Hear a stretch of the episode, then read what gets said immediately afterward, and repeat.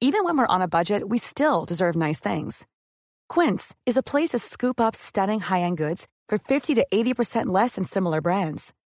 They have buttery soft cashmere sweaters starting at $50, luxurious Italian leather bags, and so much more. Plus, Quince only works with factories that use safe, ethical, and responsible manufacturing. Get the high-end goods you'll love without the high price tag with Quince. Go to quince.com slash style for free shipping and 365-day returns. Hey, it's Ryan Reynolds, and I'm here with Keith, co-star of my upcoming film, If, only in theaters May 17th. Do you want to tell people the big news?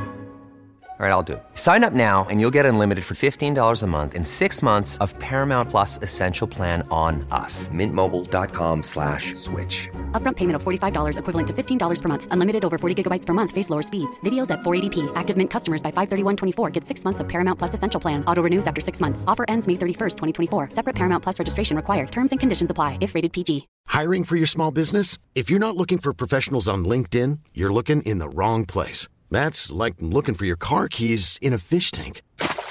LinkedIn helps you hire professionals you can't find anywhere else, even those who aren't actively searching for a new job but might be open to the perfect role. In a given month, over 70% of LinkedIn users don't even visit other leading job sites. So start looking in the right place. With LinkedIn, you can hire professionals like a professional. Post your free job on linkedin.com slash people today.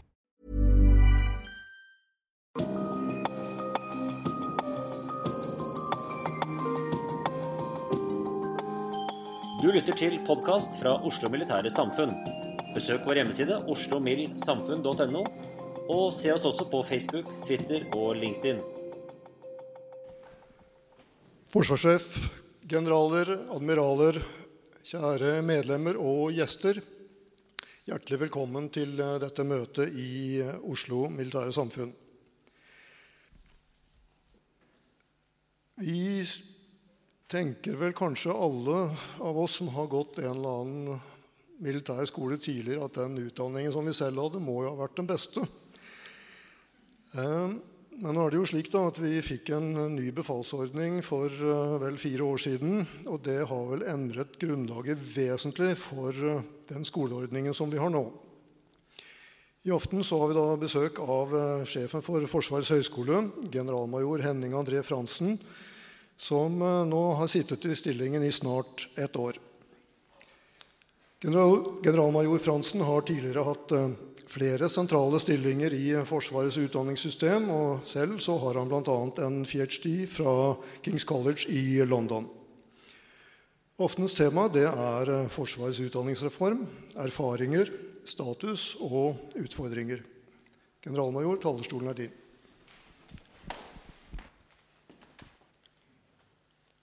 Forsvarssjef, fungerende formann, kjære alle sammen.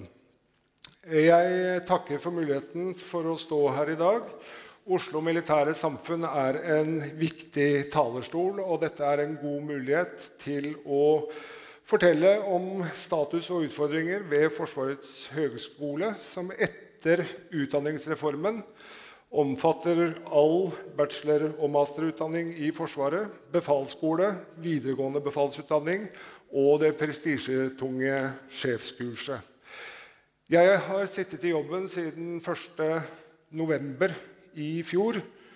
Og jeg er fortsatt han nye. Men jeg har tenkt at etter i kveld, når jeg har vært på talerstolen her, så er jeg bare sjefen på høyskolen. Nylig har eh, Svendsen-utvalget levert sin rapport som påpeker en rekke utfordringer innenfor Forsvarets tilnærming til kompetanse, med særlig fokus på mennesker og teknologi. Rapporten målbærer viktige innspill som vi må ta på alvor. og Jeg kommer litt tilbake til det mot slutten av foredraget. Jeg kommer til å fokusere mest på det jeg oppfatter er kjernen i vårt oppdrag, som er den militære profesjonsutdanningen. Forsvarets høgskole leverer også masse utdanning for sivilt ansatte i Forsvaret, i forsvarssektoren og i samfunnet bredt. Vi leverer også kurs i FN- og Nato-sammenheng. Men jeg oppfatter at vårt eksistensgrunnlag er knyttet til den militære profesjonsutdanningen. Og det er det jeg kommer til å fokusere mest på. Historien om eh, høyere militær utdanning kan sies å starte allerede i 1750, da Den frie matematiske skole i Kristiania, senere kjent som Krigsskolen, ble etablert. Dette var den første institusjonen for høyere utdanning i Norge. Det kan vi være litt uh, stolte av. I grunnlagsdokumentene for etableringen av skolen fremgår det at skolen skulle berike kadettene med kunnskaper, men især danne deres hjerter og tenkemåte. Oppgaven er egentlig den samme i dag. 61 år senere ble Universitetet i Oslo grunnlagt. Og etter dette har samfunnet fortsatt å endre seg i retning av stadig høyere krav til kunnskap, til spesialiserte ferdigheter. I dag har 34 av, høye, eh, av, landets voksne befolkning en variant av universitets- eller høyskoleutdanning. Det har vært, og det blir, viktigere og viktigere både for enkeltpersoner og organisasjoner å satse på kompetanse. Nasjonalt og internasjonalt fokuseres det på kvalitet i høyere utdanning som fører til strengere krav for å få studier akkreditert. Strukturelle reformer og sammenslåinger der hensikten bl.a. har vært å styrke fagmiljøene, har vært en gjenganger i universitets- og høyskolesektoren de siste tiårene. Og gjennom utdanningsreformen kom også dette til oss i Forsvaret. Militær utdanning er med årene underlagt mange av de samme styringsparametere og kvalitetskrav som utdanning i sivil sektor. For Forsvaret er kravene om kvalitet i utdanningen viktige. Nasjonale og internasjonale målestokker sikrer kvalitet på utdanning, genererer kunnskap og tilgang og bidrar til bedre rekruttering av studenter og ansatte. Vårt kvalitetssikringssystem legger til rette for kontinuerlig utvikling av utdanningskvaliteten, sikrer dokumentasjon av denne. Vi må ha en troverdig, kunnskapsbasert og oppdatert utdanning for rekruttering til og utvikling av vår profesjon. Å leve opp til kravene er en forutsetning for å kunne levere akkreditert og relevant utdanning. Særlig viktig er dette i en tid med rask teknologisk og samfunnsmessig endring. Forskningsbasert kunnskap er også verdifull i en tid der synsebaserte påstander og konspirasjonsteorier får stadig større nyhetsverdi. Alt dette handler ikke om unødig byråkratisering eller teoretisering, men sikrer tidsriktig utdanning i tråd med allmenne kvalitetskrav som gjelder for utdanning i samfunnet. Vi skal ha kjernekompetanse innen planlegging, ledelse, gjennomføring og understøttelse av militære operasjoner og den konteksten de foregår innenfor. Det skal vi være best på. Vi skal være best på kunnskap om bruk av militærmakt. Det er kjernen i vårt oppdrag. Og dette skal vi gjøre i tråd med de kvalitetskrav som gjelder for utdanning i Norge. Så enkelt er det, og så krevende er det. Vi skal tilby akkreditert utdanning i tråd med Forsvarets behov eh, for kompetanse på den militære profesjonspremisser. I både det korte og det lange perspektiv. Oppdraget dekker både befals- og offiserskorpsets eh, utdanning. Kvotene settes av forsvarssjefen, og jeg utdanner i henhold til det volum jeg får oppdrag om. Først så ønsker jeg å si litt om bakgrunnen for utdanningsreformen og målene med denne. Flere av dere kjenner nok denne godt. Men jeg mener det er viktig å ta et lite tilbakeblikk, eh, slik at vi minner oss selv om intensjoner, hensikter og målsettinger. Da Forsvaret etablerte spesialistkorpset i tillegg til eksisterende eh, offiserskarrierestigen, ble det åpenbart at dette ville få konsekvenser for utdanningssystemet. Utgangspunktet for spesialistkorpset er at det er funksjon, eller for inndelingen i de to søylene er at det er funksjon og kompetansekrav som ligger til grunn for hvilket løp man går inn på. Før vi innførte spesialistkorpset, hadde vi avdelingsbefalsordningen, som var en slags hybrid. Den klarte vi aldri å få til å fungere etter hensikten. Det handlet dels om at det ikke var et eget grads- og lønnssystem, at ordningen i stor grad ble sett på som en rekrutteringsbrønn for offiserskorpset, og det ble i liten grad utviklet planer for systematisk kompetanseheving for den gruppen. Og på den måten så forsvant viktig kompetanse og erfaring. Hensikten med det nye systemet er å bøte på disse manglene, slik at Forsvaret skal kunne tilby flere mennesker militær karriere. Vi skal verdsette fagkompetansen og erfaringsbasert kompetanse høyere enn det vi har gjort, og på linje med offiserskompetansen. Innføringen av to likeverdige karrieresystem for offiserer og spesialister skal fylle vårt behov for både bredde- og dybdekompetanse. På den måten skal vi sammen med innføringen av ny, av ny teknologi og øvrig modernisering sørge for at Forsvaret øker den operative evnen, forsvarsevnen. Særlig skal ordningen styrke Forsvarets evne til å beholde spesialister. Der har vi et uh, for stort frafall, og det må jobbes videre med å styrke både rekrutteringsevnen og det å beholde. Ordningen er ment å gi både arbeidsgiver og arbeidstaker forutsigbare og stabile tilsettingsforhold. Det er fortsatt en jobb å gjøre med å beholde langt flere langt lenger. Men jeg tror vi må fokusere mer på de som blir, enn på de som slutter. Gjentagende undersøkelser av hvorfor eh, folk slutter, skaper et negativt fokus og fører oss inn i en negativ spiral.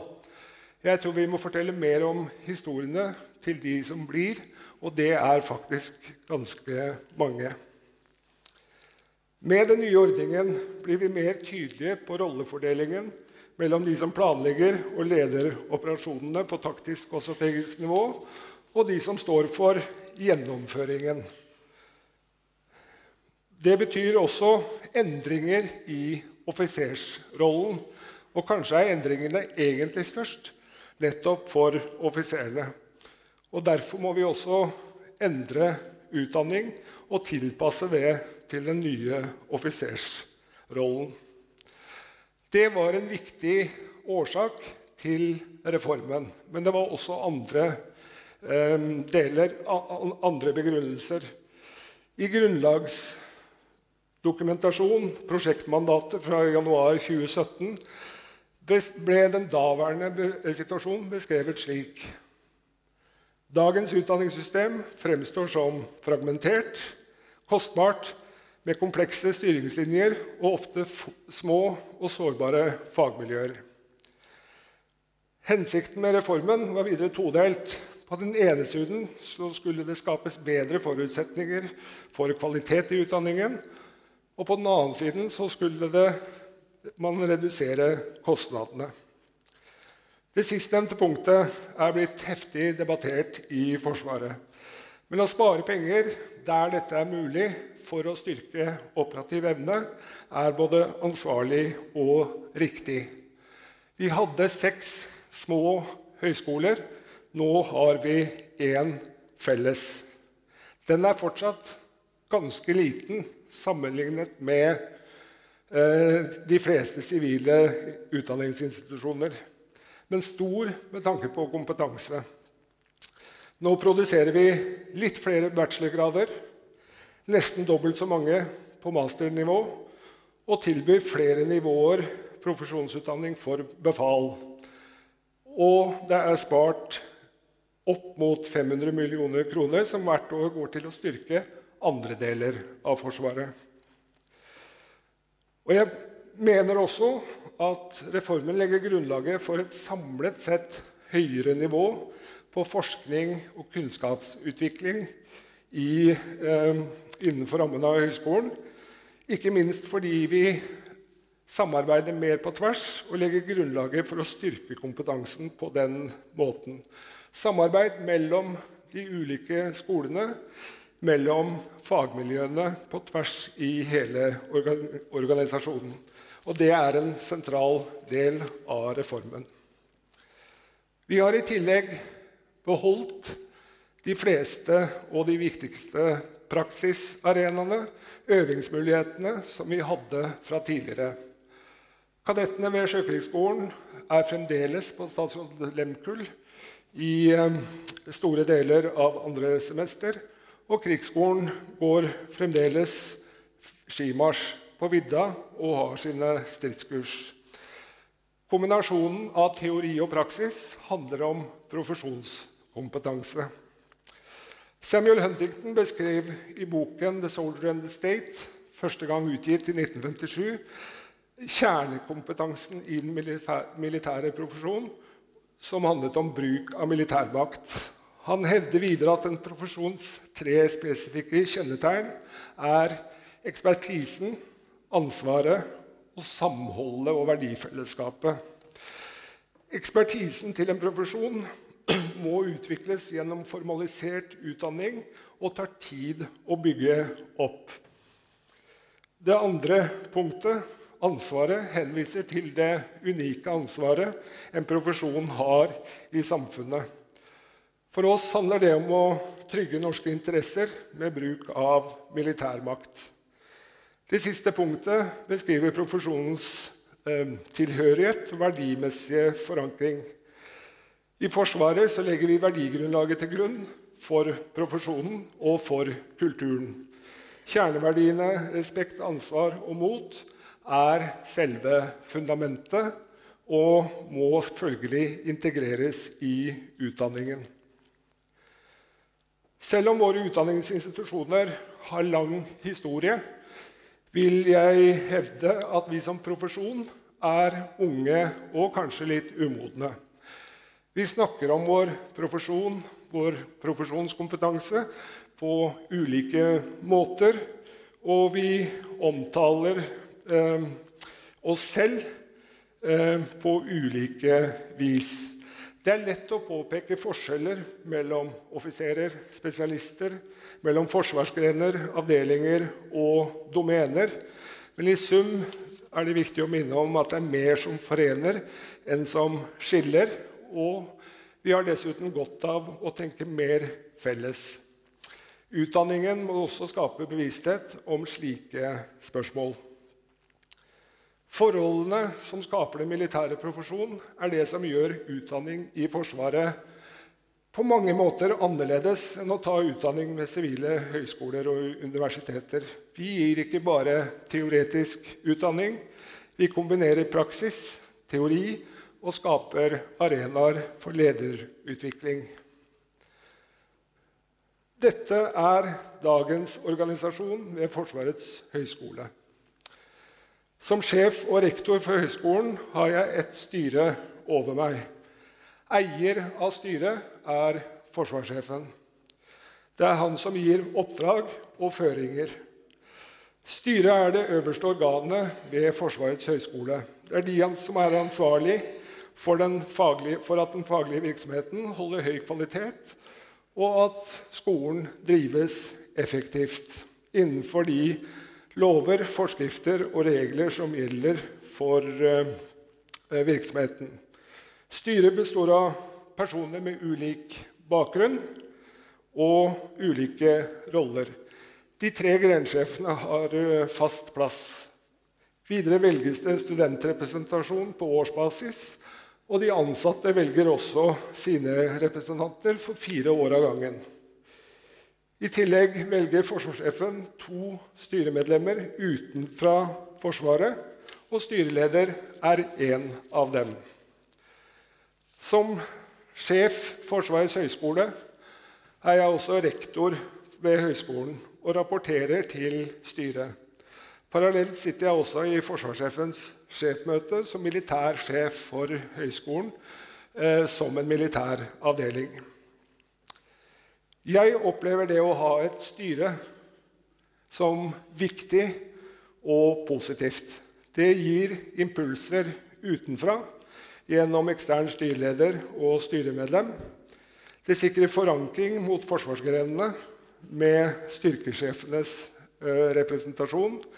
Det sikrer medvirkning fra ansatte og ikke minst studentene. Det gir fart og retning på det vi skal gjøre.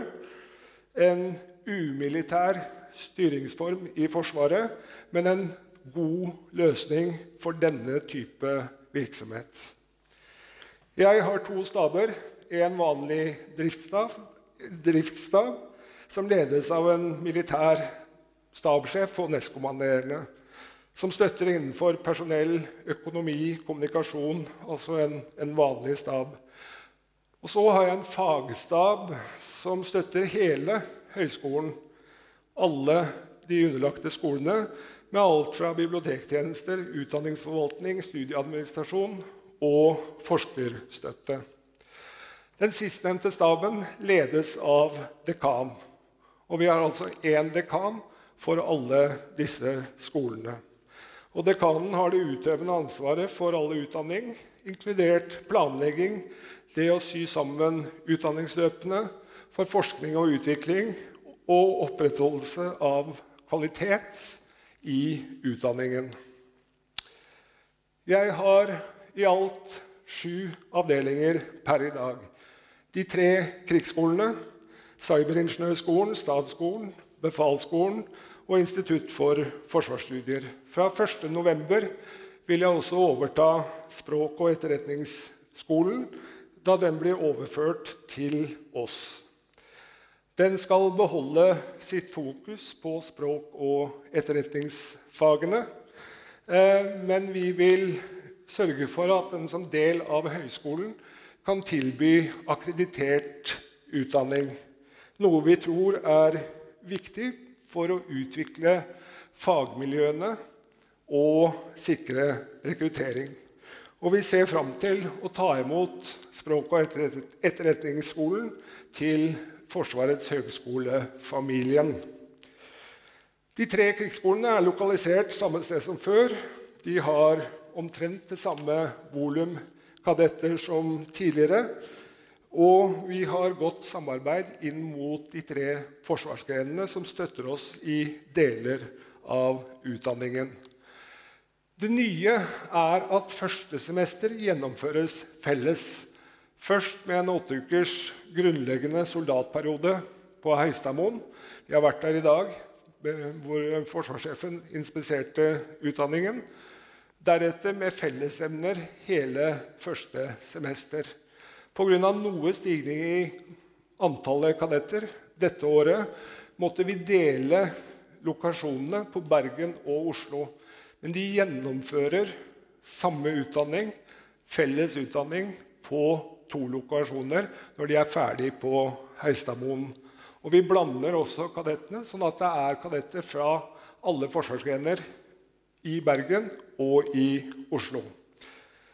De har også felles emne i femte semester introduksjon til fellesoperasjoner. Det å ha felles utdanning såpass tidlig i karrieren er nytt, og det er riktig. Kadettene knytter bånd seg imellom. De blir kjent på tvers av forsvarsgrenene på en helt annen måte. Og de kan analysere og samarbeide om å løse eh, problemer i fellesskap. Dette er også noe kadettene selv verdsetter høyt. Den felles befalsskolen ligger på Sessvollmoen. Denne befalsskolen har lite til felles med de gamle befalsskolene. Det er få likheter. Befalsskolen markerer overgang fra spesialist til befal. De gamle befalsskolene hadde sine kvaliteter, men det var en utdanning for et annet forsvar og en helt annen personellstruktur enn det vi nå sikter mot. De var først og fremst konstruert for å utdanne sersjanter og kvartermestere til det gamle mobiliseringsforsvaret. Dagens befalsskole er laget for erfarent personell med fullført førstegangstjeneste og helst flere års tjeneste som spesialist. Dagens befalselever kan faget sitt. Eh, det er en ønsket forutsetning for at de skal bli tatt opp som elever ved befalsskolen. Eh, de har et annet faglig fundament, og befalsskolen er i dag et kortere kurs, hovedsakelig eh, fokusert på ledelse, utdanning i lederskap, og, og gjennom utdanning i lederskap gjennom praktiske arenaer. Ehm, I tillegg så har vi ansvar for videregående befalsutdanning. Ehm, det er fire slike nivåer. Jeg skal ikke gå inn på det i detalj. Men det er viktig å huske på at hovedfundamentet for spesialistene er fag- og funksjonsutdanning. Det er det de skal ha i bånn.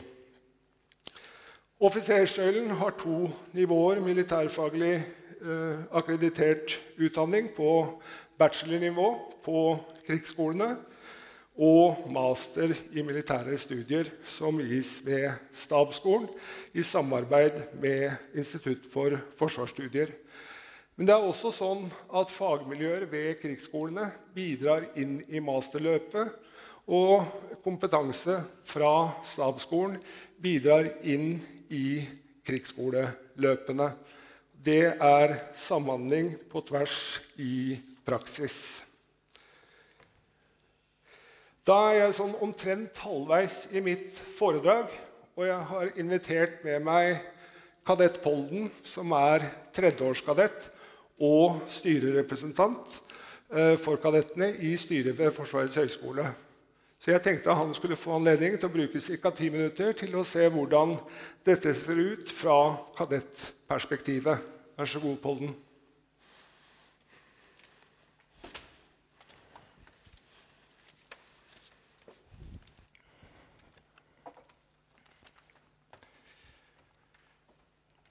General, takk eh, for det. Forsvarssjef, generaler, admiraler, formann, kjære forsamling. Mitt navn er Jon Øyvind Polden, eh, og jeg er kadett ved Krigsskolen på Linderud.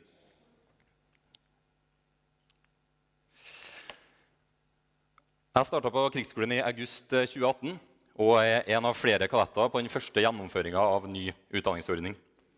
For en eh, måned siden ble jeg invitert av eh, sjef Forsvarets høgskole til å være en del av hans innlegg her i kveld. Det tar jeg som en stor tillitserklæring. I forberedelsen til dette har jeg prøvd å definere kjernen i det oppdraget jeg har fått. og jeg kommer frem til følgende. Jeg skal prate om utdanningsordninga fra mitt perspektiv som kadett. Jeg har eh, mange tanker knytta til utdanninga, så jeg har prøvd å avgrense meg ned til det jeg tenker kan være mest interessant for dere som sitter her i kveld.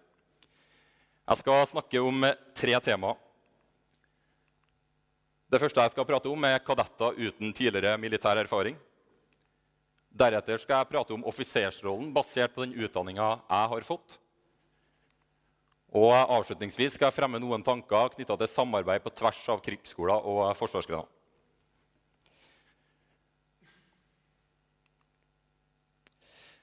Det spørsmålet jeg som oftest får når jeg prater med tidligere kollegaer som er interessert i utdanninga, er følgende Hvordan går det med dem rett fra videregående?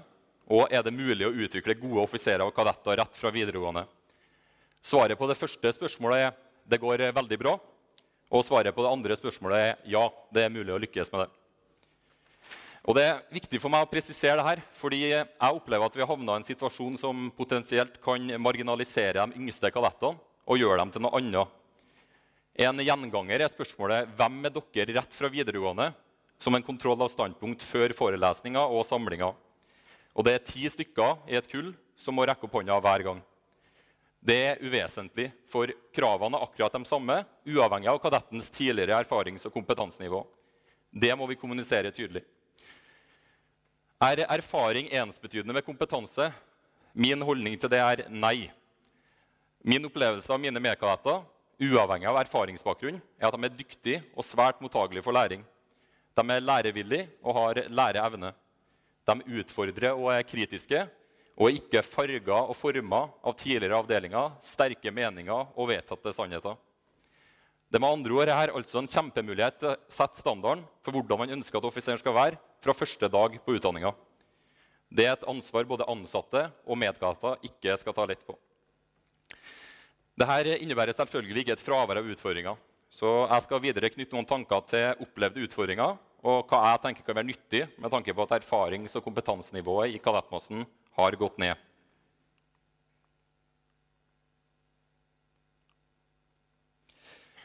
I sin eh, nye bok fremhever general Mattis ferdigheter som sentralt i offiserskompetansen. Jeg brukte eh, halvparten av min militære karriere før jeg starta på krigsskolen, på å drille magasinbytter, feilnavigere og prøve å få sambandet mitt til å fungere. De her grunnleggende ferdighetene gir meg overskudd til å lede, og de gir meg verktøy til å kunne skape effekter. Så vi må fortsatt ha offiserer som har nødvendig egenferdighet. Ikke utelukkende fordi de bærende militære ferdighetene er viktige for å utføre militære oppgaver, men også fordi et tilstrekkelig ferdighetsnivå gir overskudd til å lede, selvtillit og trygghet. Militære ferdigheter betyr mer enn det å treffe når man skyter. Her opplever jeg at vi har noen utfordringer, og min oppfordring er at fokuset på dette økes i utdanninga.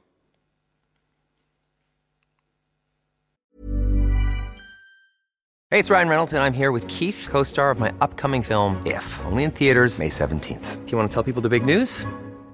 All right, I'll do it. Sign up now and you'll get unlimited for $15 a month in six months of Paramount Plus Essential Plan on us. Mintmobile.com slash switch. Upfront payment of $45 equivalent to $15 per month. Unlimited over 40 gigabytes per month. Face lower speeds. Videos at 480p. Active Mint customers by 531.24 get six months of Paramount Plus Essential Plan. Auto renews after six months. Offer ends May 31st, 2024. Separate Paramount Plus registration required. Terms and conditions apply if rated PG. I'm Sandra, and I'm just the professional your small business was looking for. But you didn't hire me because you didn't use LinkedIn jobs. LinkedIn has professionals you can't find anywhere else, including those who aren't actively looking for a new job but might be open to the perfect role, like me. In a given month, over 70% of LinkedIn users don't visit other leading job sites. So if you're not looking on LinkedIn, you'll miss out on great candidates like Sandra. Start hiring professionals like a professional. Post your free job on linkedin.com/people today.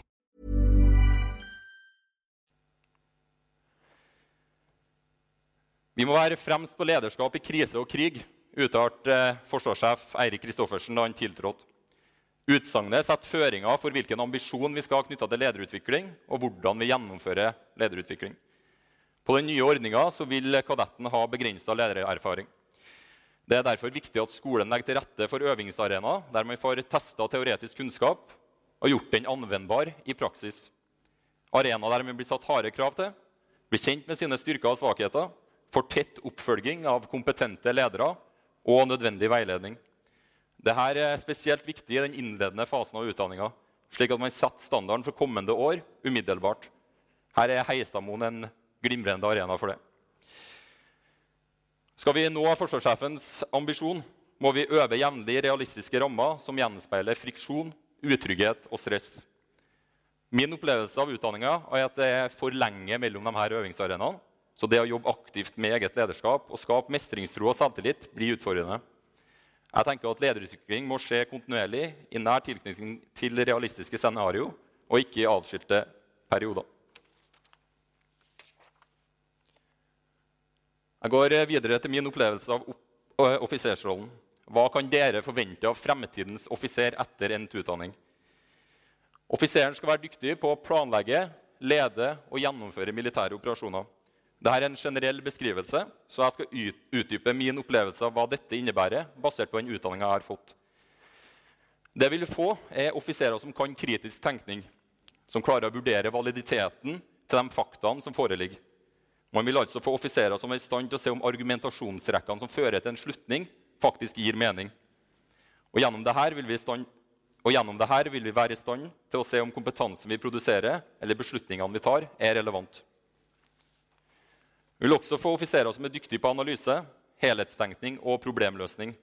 Som kan plan- og beslutningsprosess, kommunisere planen sin tydelig og kan lede denne utførelsen. Vi får med andre ord fortsatt dyktige troppeførere i krise og krig. Så skal vi ha offiserer som har læringsevne og læringsvilje. Svendsen-utvalget peker på at kompetanse har kortere levetid enn noen gang tidligere. Dette må få den konsekvens at vi lærer våre kadetter å lære. Krigsskolene må i større grad stimulere til en kultur der kadetter tar initiativ til å drive læring og utvikling på egen hånd. Utover det man får tilført gjennom det formelle studieløpet. Videre må man sørge for at denne interessen for å lære blir med inn i organisasjonen når kadetten blir offiser. Denne interessen her må vi dyrke. Og jeg tror at denne interessen her best dyrkes ved jevnlig å adressere ansvaret den enkelte offiser innehar, og hva konsekvensen av inkompetanse innebærer. Ansvar blir altså et nøkkelord.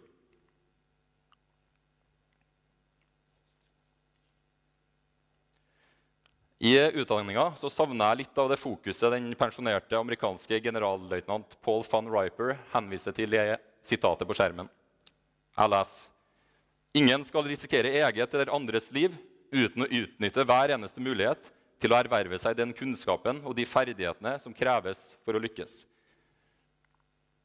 Det er en holdning jeg ønsker dyrkes eh, på krigsskolene.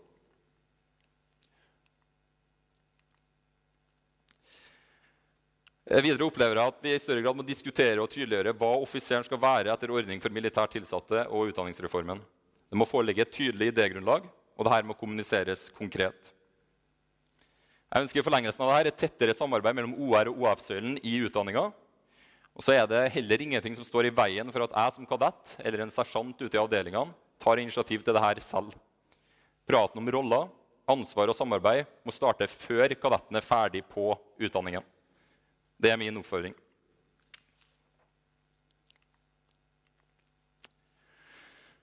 Jeg går videre til mitt siste punkt, som omhandler tett samarbeid mellom kadetter fra ulike krigsskoler under utdanninga. Dette innebærer som sjef FHS sa, at ca. seks måneder av utdanninga nå gjennomføres felles for alle kadetter ved de tre krigsskolene. Det har flere positive aspekter. For det første har det for meg personlig bidratt til å nyansere mine observasjoner og erfaringer. For det er jo slik at eh, Når vi har en utfordring eller problemstillinger man ønsker å diskutere, så går man gjerne til dem man kjenner best, og dem som er mest lik en sjøl. Deretter presenterer man de samme argumentasjonsrekkene som før, blir enige og kommer til den samme konklusjonen hver gang. For mitt vedkommende så er det stridsvogn og CV90 er bra, og Hæren må ha mer penger. Det blir altså et fokus på å ivareta egen forsvarsgren og våpenarts interesser uten å se helhet. Nå, når man jobber tett med kadetter fra de andre krigsskolene, skapes bånd og kjennskaper på tvers av forsvarsgrener tidlig. Jeg har hatt stor nytte av å diskutere utfordringer og problemstillinger med kadettene fra de andre krigsskolene. Utfordringene er ofte like, men argumentene, fokuset og perspektivene ofte annerledes. Det har bidratt til å nyansere mine observasjoner og refleksjoner. I et eh, langsiktig perspektiv gir også dette samarbeidet fordeler når man senere møtes i forsvarsgrenene. Man unngår rivalisering og maktkamp på tvers av forsvarsgrener fordi det er mennesker og medoffiserer man kjenner godt fra før. I et eh, fellesoperativt øyemed vil også dette samarbeidet innebære at vi blir dyktigere til å skape komplementære effekter på tvers av forsvarsgrener. Vi blir altså bedre til å slåss. Jobben med å skape dyktige fellesoperative offiserer er med andre ord allerede i gang. Det var noen av mine tanker fra perspektivet som kadett. Og med det gir jeg ordet tilbake til eh, general Fransen. Takk for det, Polden. Det er ikke noe i veien på refleksjonsnivå til dagens kadetter. Ehm, noen klare utfordringer til oss. Jeg har lyst til å bare kommentere særskilt dette med at kadettene blir yngre og har en annen bakgrunn enn tidligere. Det er en lederskapsutfordring for meg og min organisasjon. Det du peker på ved at de ofte blir fremhevet som de yngste. Og det blir en utfordring når disse kommer ut i Forsvaret. De er gode, de kommer til å lykkes. Eh, de overbeviser i utdanningen. De fullfører stridskurs selv om er, de får det første året og ikke tredje, fjerde eller femte året, som vi gjorde i gamle dager.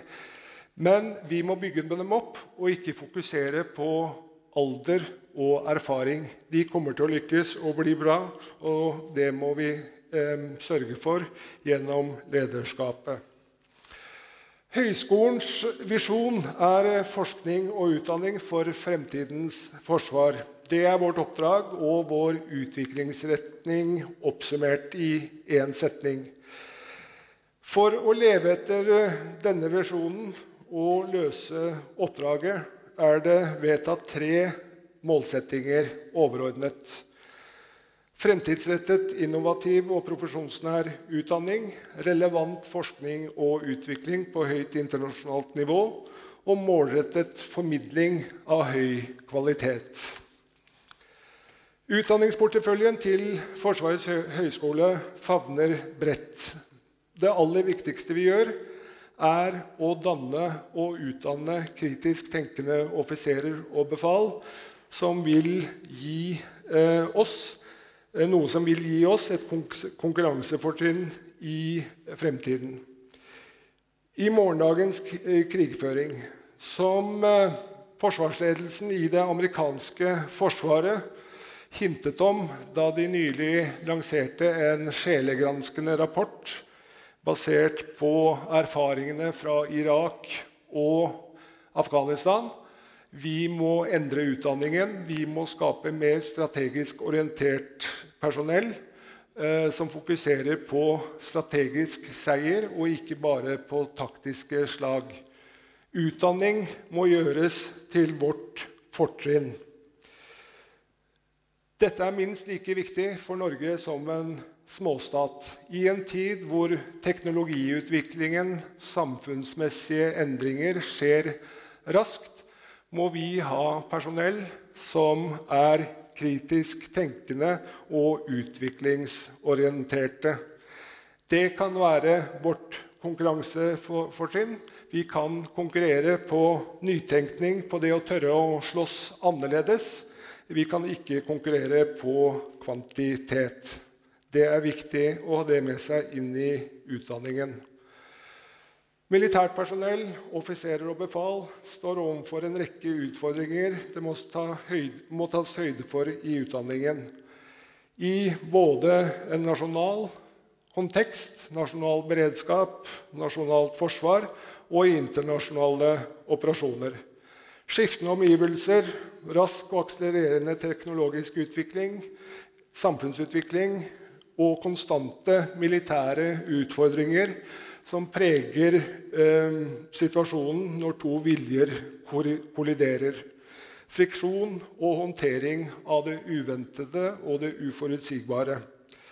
Vår utdanning skal legge et grunnlag for at offiserer og befal skal settes i stand til å anvende militærmakt på vegne av det norske samfunn og i tråd med de forventninger samfunnet og politiske myndigheter har til oss, og i tråd med internasjonale og nasjonale krav og regelverk. Befal og offiserer som både forstår og kan omsette i handling. Summen av fag og personlige egenskaper. Fag- og lederutvikling som del av profesjonen. Vi må måle oss med tilsvarende utdanningsinstitusjoner internasjonalt. Nasjonalt så har vi ingen konkurrenter. Det er ingen andre, så vidt meg bekjent, som utdanner i å planlegge, lede, gjennomføre, understøtte militære operasjoner. Men på en rekke fagfelt kan vi hente inspirasjon og kompetanse med sivile institusjoner. Å kunne strekke seg etter det beste av utdanning krever derfor samarbeid. Samarbeid internasjonalt og samarbeid med sivile aktører nasjonalt. Vi må være utoverskuende og nysgjerrige for å bli best mulig. Vi kan ikke være introverte og selvtilfredse. Oberst Olav Petersen var sjef på Krigsskolen fra 1901 til 1907. Han formante sine kadetter ta aldri noe for gitt, fordi om det har pleiet å være sådan, eller fordi deres foresatte sier at det skal være sådan. Spør alltid hvorfor. Hvorfor må det være slik? Hvorfor kan det ikke heller gjøres sådan? Det lille ordet 'hvorfor' bruker vi for lite i det militære. Dette er en viktig påminnelse også i dag. De ordene ble sagt i, på begynnelsen av 1900-tallet, en tid med teknologisk endring, samfunnsmessige endringer som kulminerte i første verdenskrig, hvor de militære feilet i å levere den raske avgjørelsen de hadde eh, spådd. Like relevant i dag, og derfor er også forskning og utvikling helt sentralt som grunnlag for vår utdanning. Og som del, det, som del av det å fostre kritisk tenkende befal og offiserer. Det er en integrert del av vårt oppdrag for å generere ny kunnskap om bruk av militærmakt. For en eh, høyskole er forskning og utvikling det kompetansemessige grunnmuren. Det er vår grunnmurssatsing. Det å etablere en felles FoU-plan, forskning og utviklingsplan, for hele høyskolen er et viktig steg fremover. Det har vært mye god forskning ved Forsvarets høgskole tidligere.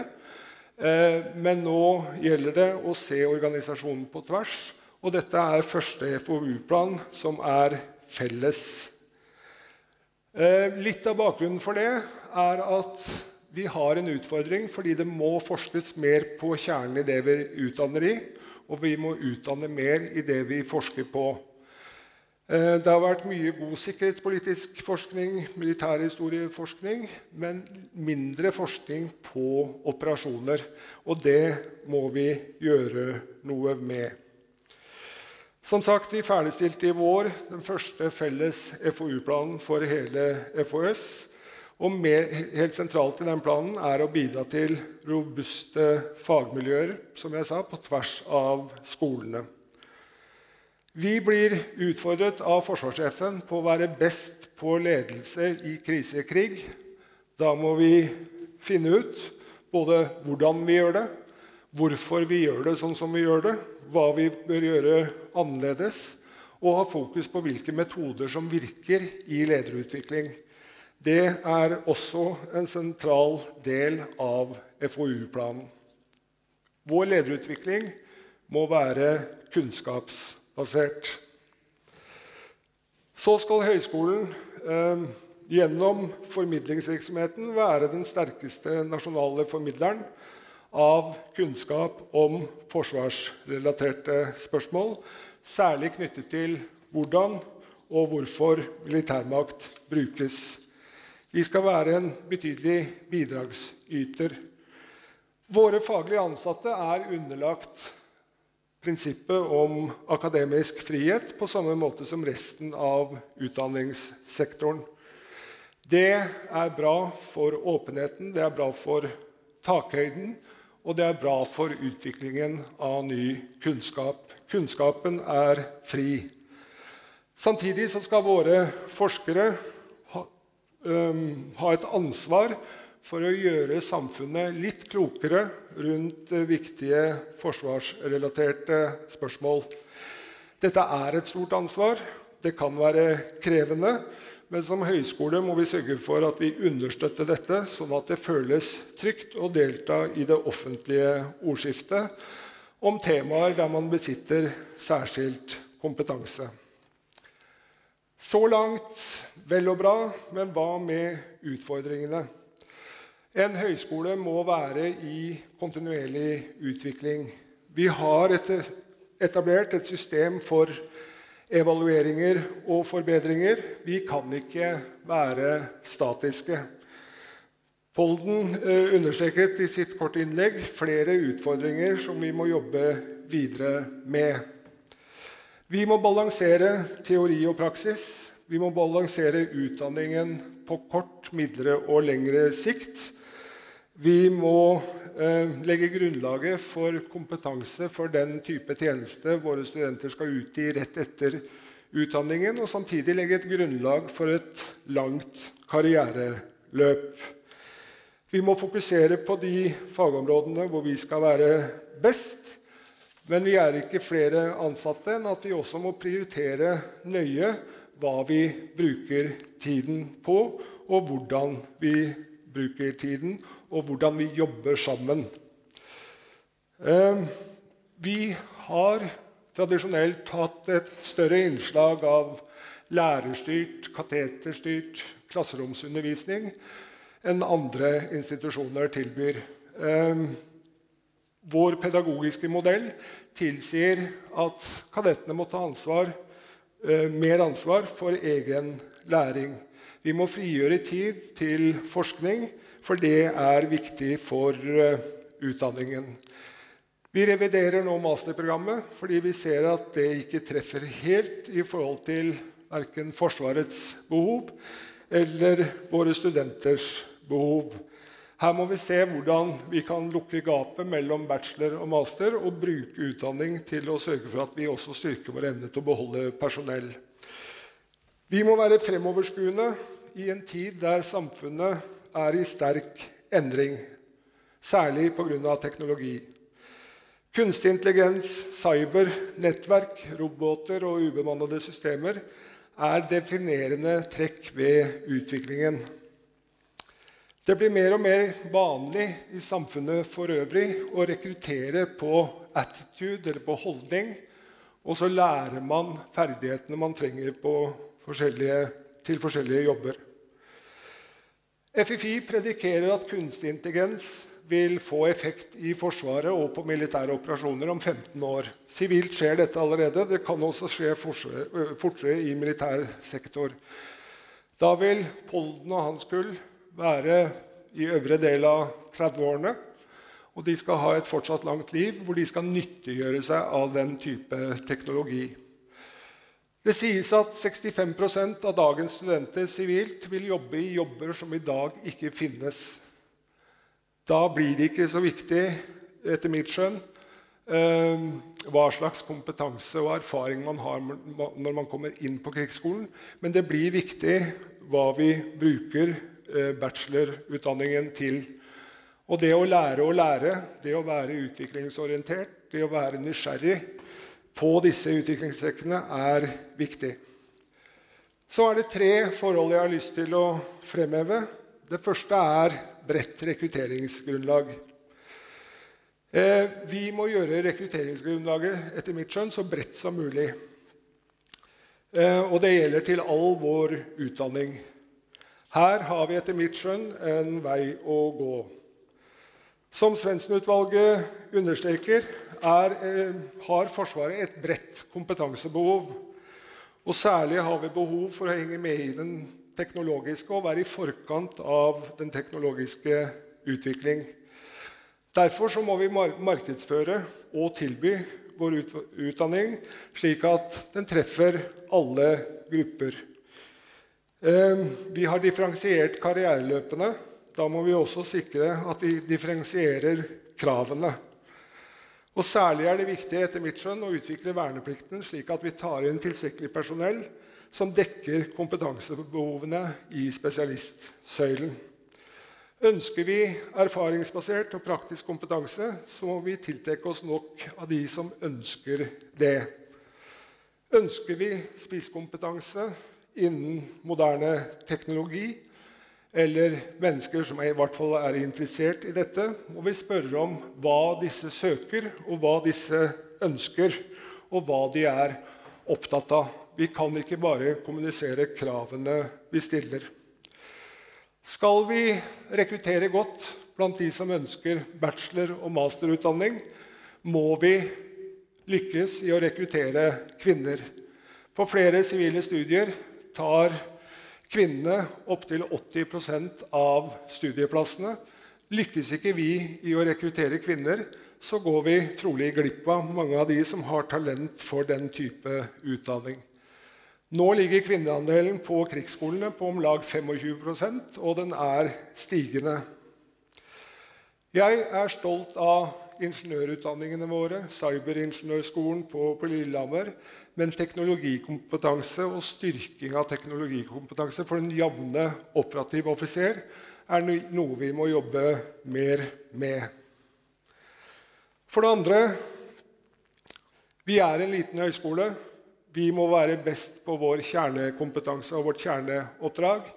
Men strategisk samarbeid med institusjoner i sektoren, som FFI, med næringsliv og med sivile høyskoler og universiteter blir viktig der vi ikke har kapasitet til å være best.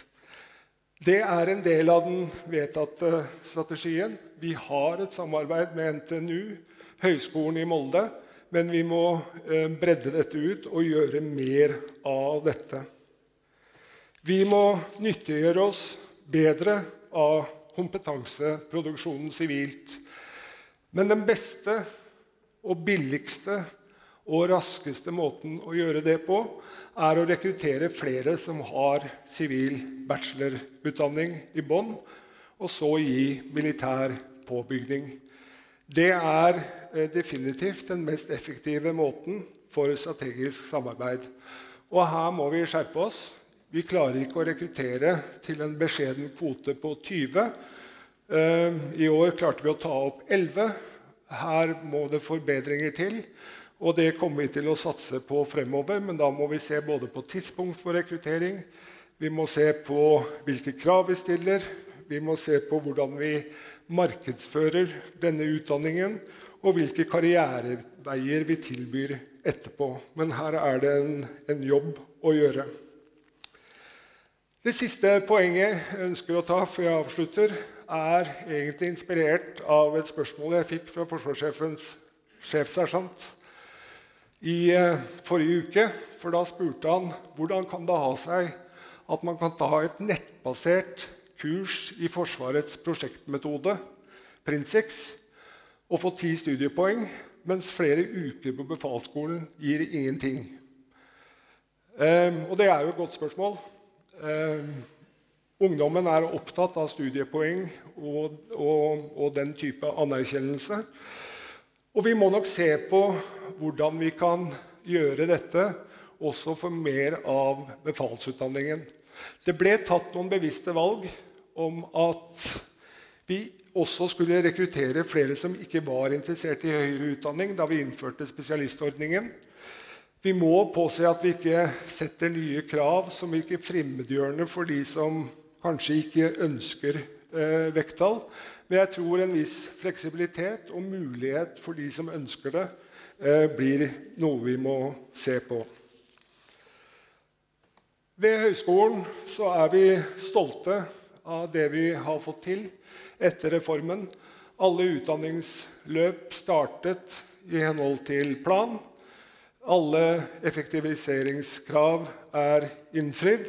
Og vi jobber nå med å utvikle organisasjonen videre. Ehm, vi må som jeg sa, fortsatt utvikle oss. Vi må evaluere og justere. I det store bildet er personell- og kompetanse, kompetansesituasjonen god. Vi rekrutterer eh, bra, men vi ønsker oss enda bredere rekrutteringsgrunnlag til våre studier. Mangfold er viktig fordi vi tror det vil styrke organisasjonen, altså Forsvaret. Utdanning vil alltid prege oss. Det er en del av vår oppdragelse, vår identitet og felles historie. Vår dannelse. Vi gjør lurt i å fremsnakke utdanningen, både den vi har hatt, og den vi har nå, og den vi jobber mot å utvikle i fremtiden. Da vil vi rekruttere godt, og vi fremmer troen på Forsvaret og på forsvarsviljen. Kvaliteten i utdanningen er bra, men vi må hele tiden jobbe med å forbedre. Dagens kadetter, som dere har sett, holder mål. Jeg tror det er viktig at vi eh, tar godt imot også de som har kortere erfaring enn vi selv hadde. De duger, de kommer til å holde mål, og de kommer til å være en viktig ressurs for oss framover. Takk for oppmerksomheten.